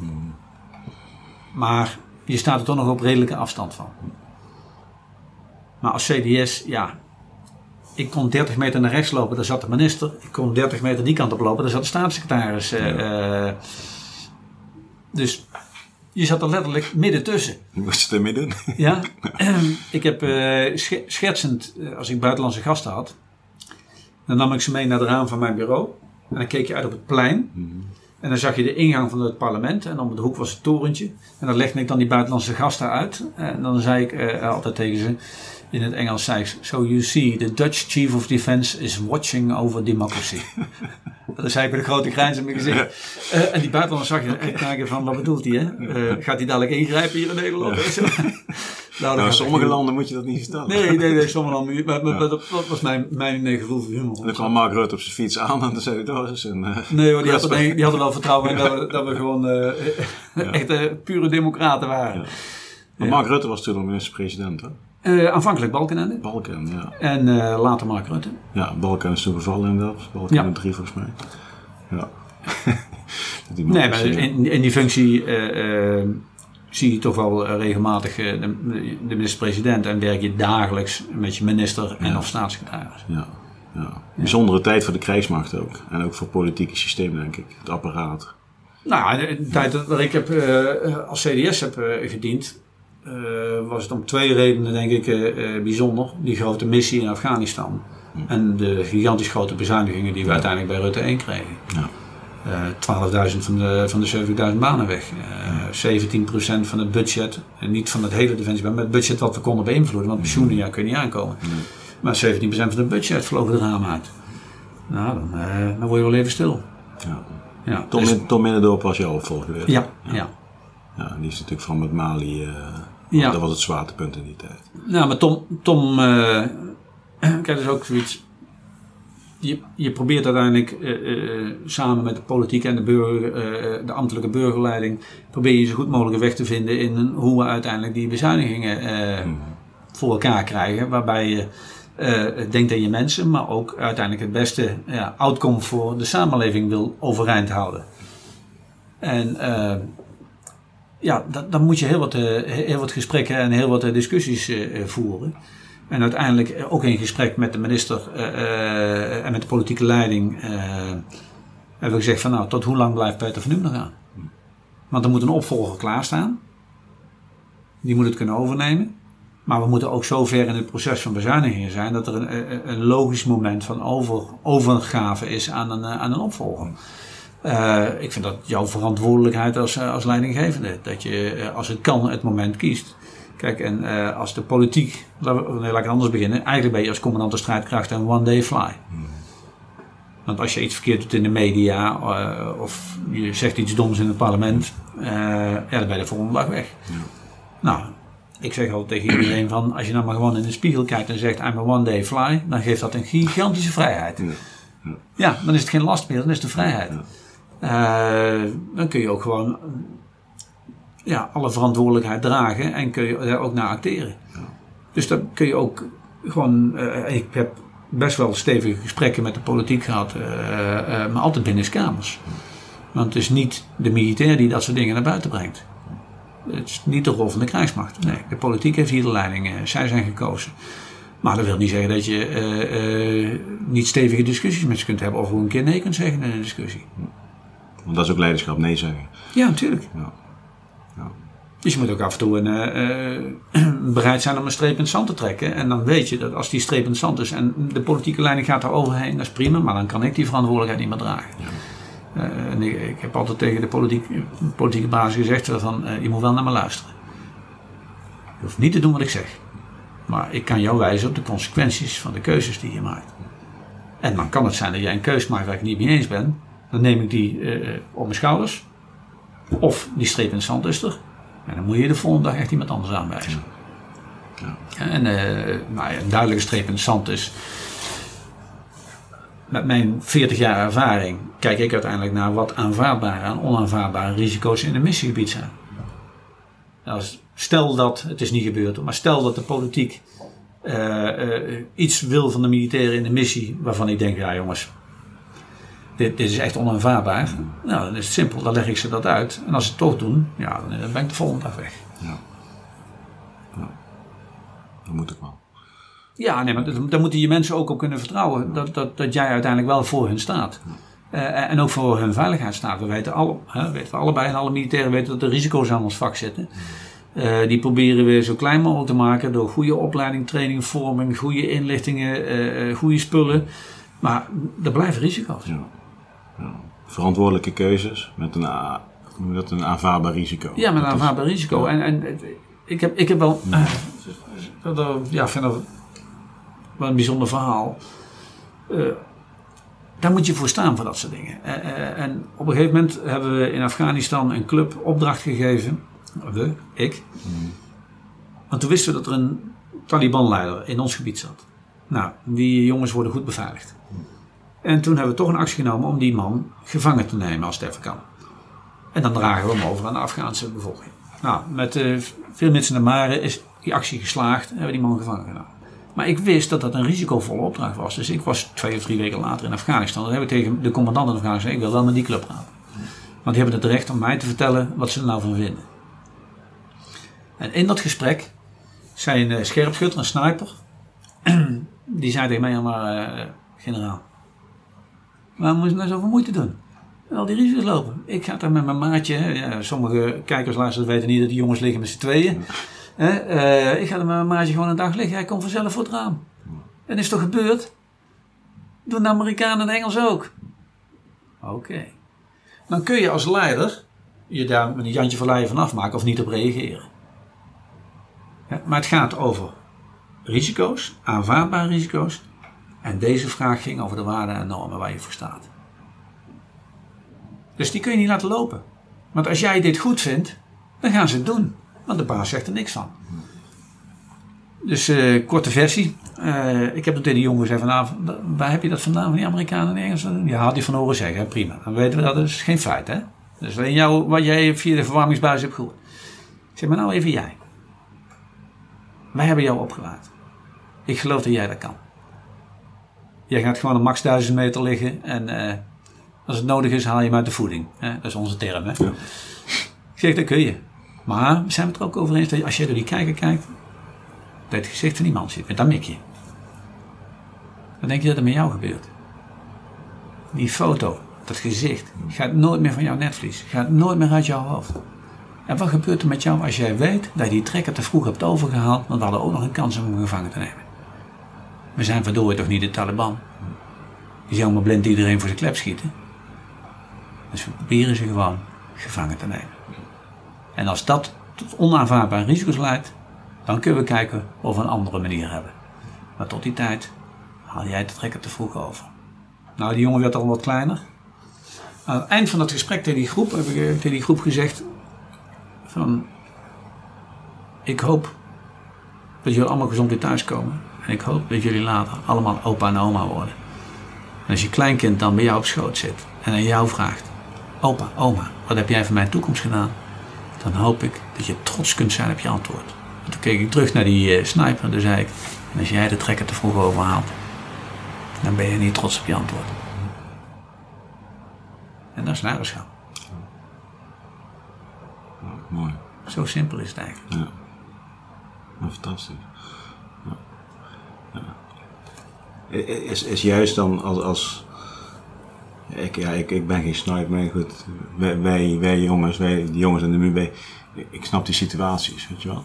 Is, is juist leiderschap uh, heel belangrijk, zoals je het nu schetst, heel mooi schetst. Uh, als je meegezogen wordt door een andere omgeving, om juist bij je eigen normen en waarden en ook je Tuurlijk. opdracht te blijven.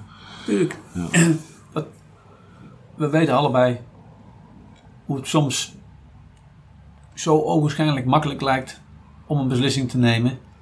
En je onderbuik toch zegt van, hmm, misschien moet ik nog even nadenken. Die momenten heeft iedereen. Uh, uiteindelijk moet je wel terug naar je eigen waarden en normen. Want als jij die shortcut neemt, die korte bocht neemt, en je moet later in de spiegel kijken, dan ben je niet blij met jezelf. En wat voor voorbeeld heb je aan je mensen gegeven? En hoe heb je de grenzen verzet? Dus leidinggeving gaat daar juist om. Ik als je, je moet nadenken over je morele kompas. Mhm. Want wij weten allebei, als je in die spannende situatie zit, heb je weinig tijd om na te denken. Dus je morele kompas is de beste garantie die je hebt als je een split-second decision moet nemen, dat je het juiste besluit neemt. Ben je een spirituelere man geworden? Je, je noemde een paar keer dus dat je sinds, sinds ik een wijs man ben. Ja, dat is misschien, ja. Dat is misschien vorige week, was misschien tien jaar terug, dat weet ik niet. Maar dat ontstaat denk ik ook. Dat je daar uh, anders naar bent gaan kijken. Nee, maar uh, ik kwam van de militaire academie en ik was gewoon een... een het doen was toch, uh, had de overhand boven het denken. Hmm. Laat ik het zo zeggen. ik denk dat ik in tactiek best wel redelijk was. Dus uh, in allerlei situaties was het heel snel van, pof, daar gaan we doen. Had ik in een flits geanalyseerd en pof, dat wordt die. Uh, maar over het omgaan met mensen, het dieper doordenken over de lange termijn consequenties, daar was ik niet zo goed in. Dus die wijsheid, die is pas met de jaren gekomen. En als die wijsheid er is, moet je nog leren om je handelen ernaar te zetten. Dus dat heeft bij mij best wel een tijdje geduurd. Uh, dus ik ga niet zeggen dat ik als luitenant altijd de, de verstandigste besluit heb genomen. Dat hoor, je, dat hoor je van mij echt niet. Ik heb gewoon domme dingen gedaan. Ja, en uh, alleen op het feit dat ik als luitenant was ik heel opvliegend. Ja, en als in het veld mijn soldaten niet deden wat ik wilde, dan, dan mijn standaardreactie was uh, echt pong. En dan trok ik mijn helm van mijn kop en dan smeet ik mijn helm tegen die soldaat aan en dan en eh, het vreemde was, ze kwamen hem altijd terugbrengen. dus blijkbaar begrepen ze zelf ook wel dat ze niet handig bezig waren. Maar dat is natuurlijk niet respectvol.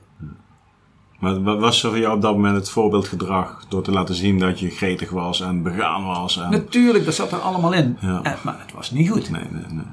Met terugwerkende kracht. Ja, ja. En, maar, maar ben, je, ben je een spirituele persoon geworden? Nee.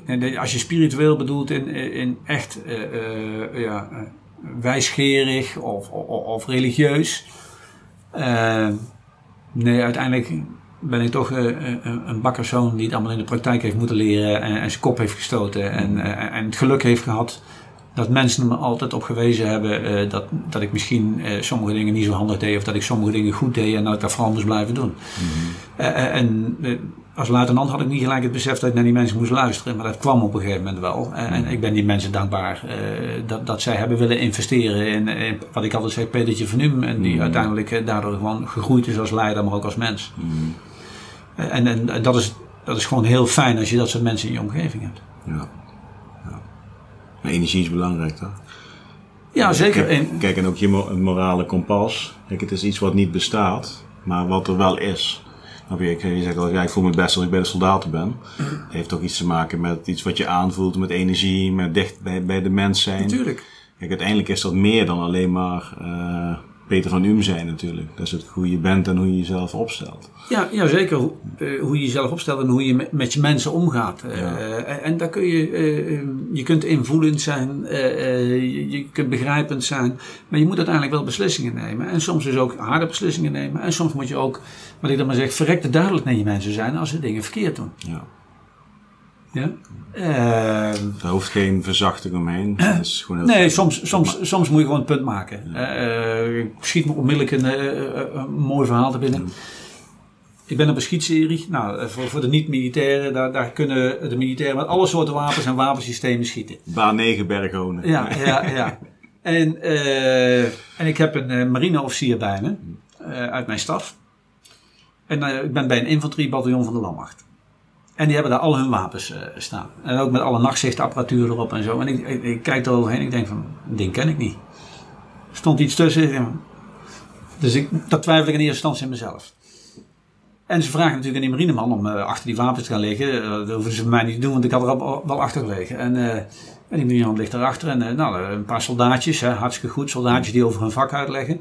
Die leggen ook die kijkers uit en uh, nou, die miniman staat op. En dan vraagt uh, een van de officieren, vraagt, en uh, nou, ik zal de, de rang niet noemen, was een hoge marineman. Ja. die ook van, in, bij mij de plannen zat, die al die spullen moest aanschaffen. En wat vindt u de beste nachtkijker? En die man wijst dat ding aan wat ik niet ken.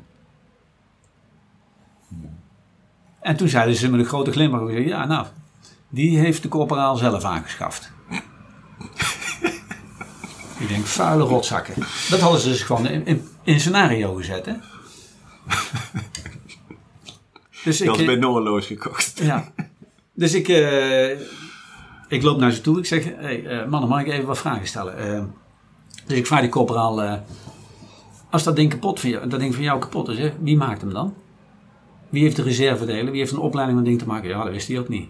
Ik zeg, nou als hij kapot is, kun je het dan nog met dat ding wat je van mij hebt gekregen? Ja, nou hij schoot altijd met zijn eigen, s'nachts wordt hij altijd met zijn eigen kijker. Uh. Ik zeg, wow. En uh, als er met jou iets gebeurt, kan jouw maatje dan met jouw kijker werken? Nou, nee, uh, die was van hem, daar bleef hij. Ik zeg, daar bleef hij vanaf. Ja, daar bleef hij vanaf. Ja. En toen heb ik me dus niet naar die kop aan. Ik zeg, hey, ik vind het hartstikke fijn dat jij dat doet, maar ik vind het niet verstandig. En toen stond daar de pelotonscommandant, de compagniescommandant, de bataljonscommandant stonden daar. En toen zei ik deze heren, en dat zijn dus de vragen die jullie aan de corporaal hadden moeten stellen. Of de punten die jullie de corporaal duidelijk hadden moeten maken. Want dan had hij dit ding voor, ik weet niet hoeveel geld, niet gekocht. Dus dat ding gaat er nu af. Nou, er stonden daar een paar officieren van, hmm, geloof dat we beter hadden moeten nadenken voor we dit grapje uh, maakten. Ja. ja. sorry mannen, uh, mijn flesje niet. Maar met die soldaten, die, daar heb je dan gewoon een normaal gesprek mee? Ja, natuurlijk. Want die, die, die doet dat met zijn beste bedoeling. Absoluut. Ik neem die, die kop, was een kop, nou, die neem ik niks kwalijk. Nee. Ja, die doet het absoluut met de beste bedoelingen. Die zou bij wijze van 100 gulden geven om, om, om hem tegemoet te komen, bij wijze van spreken. Eh, ja, maar, maar dus, uh, dus ja. daar heb ik ook respect voor. En, en, het is mooi, maar het is niet goed. Nee. En uh, dat hadden zijn kaderleden hem duidelijk moeten maken. Hm. Dat moet je gewoon niet doen. En, en, ja, ik heb zoveel momenten dat ik eigenlijk behoefte had om gewoon een soldaat of een corporaal een heuk te geven. Of, of een jonge officier een heuk te geven. Of een leiding geven. Mm -hmm. Een mooi voorbeeld. Ik kom in Afghanistan, ben op werkbezoek. We hebben een meeting greet. Nou, lopen allerlei lui rond. En ik zie op een gegeven moment twee corporaals van een eenheid. Zie ik naar buiten lopen, een jongen en een meisje. En in de uitgang geven ze elkaar een hand. Nou, dat was niet collegiaal. Mm -hmm. Ik denk, potverdorie, wat zullen we nou hebben? Nou was het een eenheid die makkelijk te herkennen was. Dus ik grijp een soldaat van die eenheid en zeg... Ga je pelotonscommandant halen en die komt ze bij mij melden. Dus even later staat daar een jonge luitenant, net van de KMA. Die staat daar voor me. En die zegt, generaal, u had mij gevraagd. Ik ja, ik wil jou even vertellen wat ik zojuist geconstateerd heb. En ik leg hem uit dat ik uh, twee van zijn uh, militairen uh, in meer dan collegiale houding naar buiten zie lopen. Ik zeg, wat is uh, daarop jouw antwoord? En die jongen kijkt, tweede luitenant, tegen de vier sterren generaal. Hij kijkt me recht in de ogen en hij zegt, generaal, wat heeft u juist geconstateerd? Mag ik het u uitleggen? Ik zeg, ja, graag. Hij zegt, voor de uitzending hebben die twee wat met elkaar gekregen. We hebben met het hele peloton erover gesproken. We weten dat je uh, geen relatie mag hebben uh, die samen op uitzending gaat. We hebben als peloton bepaald, daar kunnen we met z'n allen mee omgaan. We hebben tegen hun gezegd, jullie kunnen ermee omgaan. Prima. Dat is mijn beslissing, generaal. Fantastisch. Ah, ja. daar, sta ik, daar sta ik gewoon te glimmen. Ja. Het liefst zou ik die jongen gewoon een knuffel geven. Ja. Dus ik heb tegen die jongen gezegd: Je weet dat niet mag? Ja, ja. Maar het is mijn besluit, zegt hij. Ik zeg: Prima, ik heb niks gezien. Fantastisch. Ja. ja, dan denk ik van jongen, eh, je hebt lef in je donder en eh, je hebt het goed aangepakt met je peloton. Is dat prima? Kijk, eh, regels zijn ervoor om eh, doorsnee eh, de meeste eh, situaties aan te kunnen. Maar er zijn situaties waar je even buiten de lijntjes moet kleuren. En deze man durfde dat gewoon. Misschien was hij 21 jaar, die durfde buiten de lijntjes kleuren. Maar zijn hele club werd er beter van. Ja. Nou, dan denk ik, prima. Ja, dus dingen zien, over dingen nadenken en dan een keus maken, en dan is de keuze altijd goed. Ja. En dan had je al nog eens besluit kunnen nemen, ja, ik respecteer het. Echt, ja, goed gedaan. Ja, We, we kunnen het echt niet gaan doen. Ja. Maar in dit geval is dat gewoon de keuze die Ja. gemaakt is en door, weet je wel. ja. Fantastisch. Ik bedoel, ik heb zelf het besluit ook genomen. Op een gegeven moment eh, eh, kreeg ik te horen dat eh, een echtpaar, allebei eh, onderofficier, eh, allebei zo'n twee jaar voor hun pensioen. En ik weet niet meer, de man of de vrouw werd aangewezen voor eh, zes maanden Afghanistan. Maar zij zaten in een vakgebied waarvan je er staat op kon maken dat als de een terugkwam, de ander zo ongeveer naar Afghanistan moest. Dus vlak voor hun pensioen zouden ze elkaar eigenlijk nooit zien. Dus ik kreeg dat signaal. eh, ja, wat doen we mensen aan, hè? Dus eh, uiteindelijk is er met die mensen gesproken. Kunnen jullie ermee omgaan? Want je bent daar dus collega en dus niet echtpaar. Hè? Want dat- jullie kunnen er misschien mee omgaan, maar daar kan de rest niet mee omgaan als je samen in een tent duikt. En eh, dat willen we allemaal niet hebben. Nee. Dus eh, ja. Eh, ja. De rest vindt het spannender dan degene in de tent. Nee, nee, maar je weet hoe het gaat. Ja. En eh, dus kunnen jullie mee om? Prima. Dus die zijn in dezelfde periode gegaan. Nou, toen kwam ik op werkbezoek. En eh, ja, dan wil je toch even weten hoe het met die twee is. Nou, wat mooi was, ze hadden hun naamlint niet op. Maar de vrouwelijke onderofficier had het naamlint oma. En de mannelijke onderofficier had het, vrouw, had het naamlint opa erop. Iedereen wist dit, iedereen vond het goed. Ja, maar je moet er wel over praten. En het beleid is prima, maar soms moet je er even vanaf kijken. Ja. Ja. En dan moet je ook bereid zijn, als dat, eh, als dat probleem oplevert, om daar verantwoording over af te leggen. Dat, dat hoort er dan bij. Ja. ja, dus keuze maken is prima. Eh echt de verantwoordelijkheid ligt er altijd bij jezelf. Ja. En daar blijven we voor staan dan. Ja. Nou, we kunnen uren doorgaan. Heb je, wat is nog een verhaal? Ik zeg, ja, dit wil ik sowieso nog. Dat vind ik zo'n mooi anekdote verhaal. Ja, ik heb. Eh, dat, dat zie je ook in mijn boek. eh, Ja, Ik heb echt zoveel mooie dingen mogen meemaken. eh, En, zoveel mogen leren. zoveel rare dingen mogen doen. Ja, ja, raar in de positieve zin hoor. Dat ja, ik pas van anekdotes en het is ook als ik ergens ben. Ja, er is een situatie en dan zeg ik nou, ik zal even een verhaaltje vertellen. Ja, ja, Want storytelling is gewoon een heel krachtig wapen. En dan heb ik bijna altijd wel een praktijkverhaal. Ja, wat, wat die situatie duidt en hoe je daarmee zou kunnen omgaan. Eh, eh, ja, daar ben ik heel dankbaar voor dat we het allemaal eh, mogen doen. En ik heb bijvoorbeeld ja, uit deze duim, ik weet niet hoeveel one-liners bedacht. Ja, je staat naast Kruif, hè? dus dat is, dat is Ja. geen toeval misschien. Kruifiaans. Nou, dat vind ik wel heel veel hier. nou, maar ik, ik, heb, ik heb bijvoorbeeld een, een kreet van Kruif heb ik eh, eh, eh, aangepast. Want Kruif zei altijd, ieder nadeel heeft zijn voordeel. Maar ik zeg er graag bij, je moet het wel willen zien. Want als je niet wil zien, zie, komt dat voordeel ook niet tot zijn recht. Hè, dus, dat is niet alleen het nadeel. ja, dan zie je erin aan. Dus, dus eh, zo- zo ben ik altijd wel met, met, met, met one-liners bezig geweest. Ook omdat je moet het begrijpelijk houden voor, voor, voor je mensen. Eh, eh, iemand waar ik nu af en toe mee werk, is eh, baas geweest van een groot bedrijf. Die zei een keer tegen mij van Peter, als ik een besluit nam. En ik kon het niet op het schoolbord in de kantine opschrijven. Want dan begrepen ze het toch niet. Dan kon ik er beter nog even over nadenken. Dat is te moeilijk. En dan denk je van verdorie, je hebt gewoon gelijk. Ja? Dat is jouw vertaling van keep it simple stupid. Eh, en ik heb geprobeerd ook alle de, de dingen eh, eh, simpel te houden. Ik ben amper in staat om moeilijke oplossingen te bedenken. Eh, maar dat betekent ook dat ik mijn taalgebruik daar automatisch op heb aangepast. Dus ja, ik, ben, ik heb toevallig onlangs heb ik al die one-liners die, die, die ik zo te hooien in te gras heb ik allemaal papier zitten. Ik kom, ik kom op meer dan twee A4'tjes met, met, met, met, met, met, met one-liners waar allemaal wel wat in zit. Ja. Eh, en ja, daar heb ik geprobeerd mensen dingen mee duidelijk te maken. Hè. En, eh, en, en soms is het geen one-liner, soms is het wel langer. Hebben. Zomaar eentje. Hè.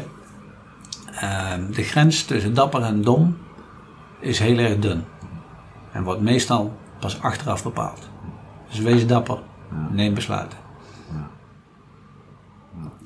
Ja. En dat, maar daarmee is het voor mensen ook gelijk helder van... doe het maar. Ik zal je steunen. Ja. Ik ben daar voor je. Dus je kunt beter het risico nemen door. Je kunt beter het, risico nemen om achteraf in het slechtste geval uh, misschien niet dapper te zijn geweest. Ik het in ieder geval moeilijk dat je de keuze hebt gemaakt. Ja, ja. Dus maak, maak niet de fout om het niet te doen. Ja, ik zeg altijd, het is veel makkelijker om achteraf uit te leggen dat je op dat moment, gebaseerd op die informatie die er was, dit besluit hebt genomen en die actie hebt gedaan, dan dat je achteraf moet uitleggen dat op dat moment gebaseerd op die informatie je geen nul gedaan hebt. had ik maar. Ja. ja. Dus, uh, en, en ja, wij, wij militairen zijn natuurlijk van, uh, van doen en van actie uh, nemen. dus zo probeer ik mensen ook duidelijk, maar doe het maar. Hmm. En misschien ben ik het niet met jouw besluit helemaal eens, maar ik zal je steunen. Misschien hebben we wel onder vier ogen dan nog even een vormend gesprek om ervoor te zorgen dat je de volgende keer een beter besluit neemt. Ja. Je, je praat heel erg visueel, dat merk ik aan mezelf. Als je, als je een verhaal vertelt of een anekdote of zo'n verhaal van die sniper of, wat, of die jongen van 21, die dan die, ik, ik zie het stel namelijk uit de Fabstraat wandelen. Dus het, het visuele, zeg maar, dat, dat maakt het denk ik, eh, het is, ja, Kes, keep it super simple. En het maakt het visueel en dan blijft, beklijft het ook. Natuurlijk. Nou ja, ik, ik vind beklijven vind ik dus te weinig. Ik vind dat het onder de huid moet gaan zitten. Ja, oké. Want ze moeten het verinnerlijken. Ja. dan doen ze het automatisch. Maar ik zeg, het beklijft niet, het komt bij me binnen. Ja. Ik, ik, ik voel het, laat ik zo. Ik voel het en ik denk van ja, ik, ik, ik wil er iets mee doen. Ja, maar ik weet dat ik eh, dan uh, generaliseer. Mm maar een manager die argumenteert, die zit hier. Een leider die inspireert ook. En die zit ook hier. En ik heb altijd geprobeerd om mensen te inspireren. Uh, dat betekent dus dat je niet alleen argumenten, maar dat het ook over gevoel gaat. Uh, dat je mensen echt probeert te raken. Want dan gaat het onder de huid zitten. Dus dan krijg je de mooiste dingen terug. Ja, Afsluitende, ik vind die SUA wel leuk, Smallest Unit uh, Action. wat zou zeg maar voor het individu of de leidinggevende op dit moment, wel op dit moment in leven. Iedereen heeft daar zijn eigen referentie aan. Wat is iets wat jij zeg maar, nou graag nog als afsluitende woorden uh, nou, toch wil delen? Nou, uiteindelijk gaat het in het leven, niet in als leidinggevende, gaat het om vertrouwen. Zo simpel is het. Uh, en als jij dat vertrouwen niet, niet tot stand kunt brengen, waarbij je realiseert dat het een two-way street is, hè? want het gaat dan niet alleen om wat ik als leidinggevende ervan vind. Het gaat er ook om wat de mensen met wie ik samenwerk ervan vinden. Dus uh, denk vooral goed na hoe dat vertrouwen zit, hoe je daaraan kunt werken uh, binnen je club. En daar is één basaal ding voor. Jouw morele kompas moet goed staan. Want je soldaten, of in het burgerleven je medewerkers, die ruiken gewoon of jouw morele kompas goed staat. Dat hoef je ze niet te vertellen, dat voelen ze. Iedereen heeft daar een sensor voor. Dus werk aan je morele kompas en dan komt het vertrouwen vanzelf. Dankjewel. Graag gedaan.